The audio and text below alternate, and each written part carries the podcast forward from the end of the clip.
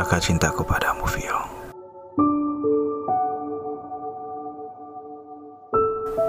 Gadis pemilik rinduku, semoga hari ini kau selalu dalam lindungan Allah Subhanahu wa taala. Apa kabar engkau di sana? Apakah engkau juga merindukanku seperti yang aku rasakan yakni merindumu? Jika iya, sewaktu-waktu lihatlah mentari yang mereka di ufuk timur nanti. Cahayanya indah, hangatnya sahdu selimuti kalbuku. Saat itu akan kepeluk engkau dari belakang dan akan berbisik di telingamu bahwa aku sungguh mencintaimu. Viola, tentang sayang ini, jangan salahkan siapa. Jika dia mulai cinta tak bisa lepaskan tautan asmara yang berulang walau badai menerpa. Gadis publik rinduku, tentang hati ini, jangan pula salahkan rasa. Karena jika dia mulai bicara, tak peduli lagi dengan siapa yang terpenting penuhi gejolak jiwa. Karena hati ini mulai terasa ada yang selalu tersiksa dengan rindu. Jangan pula tanyakan siapa.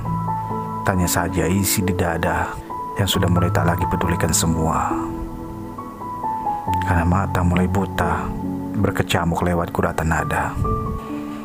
Cintaku ini mungkin cinta buta. Tak kenal lagi kata-kata, tak lihat lagi siapa yang ada, tak peduli lawan bicara yang ada hanya asmara menggelora, menguasai relung hati dan sudut jiwa.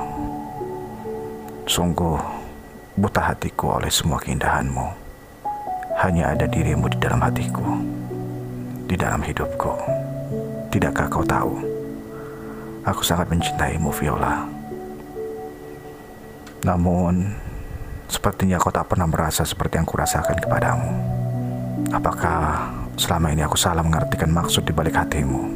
Tidakkah kau tahu aku sangat mencintaimu? Dan di sini ku sadar, aku masih sangat mencintaimu. Buta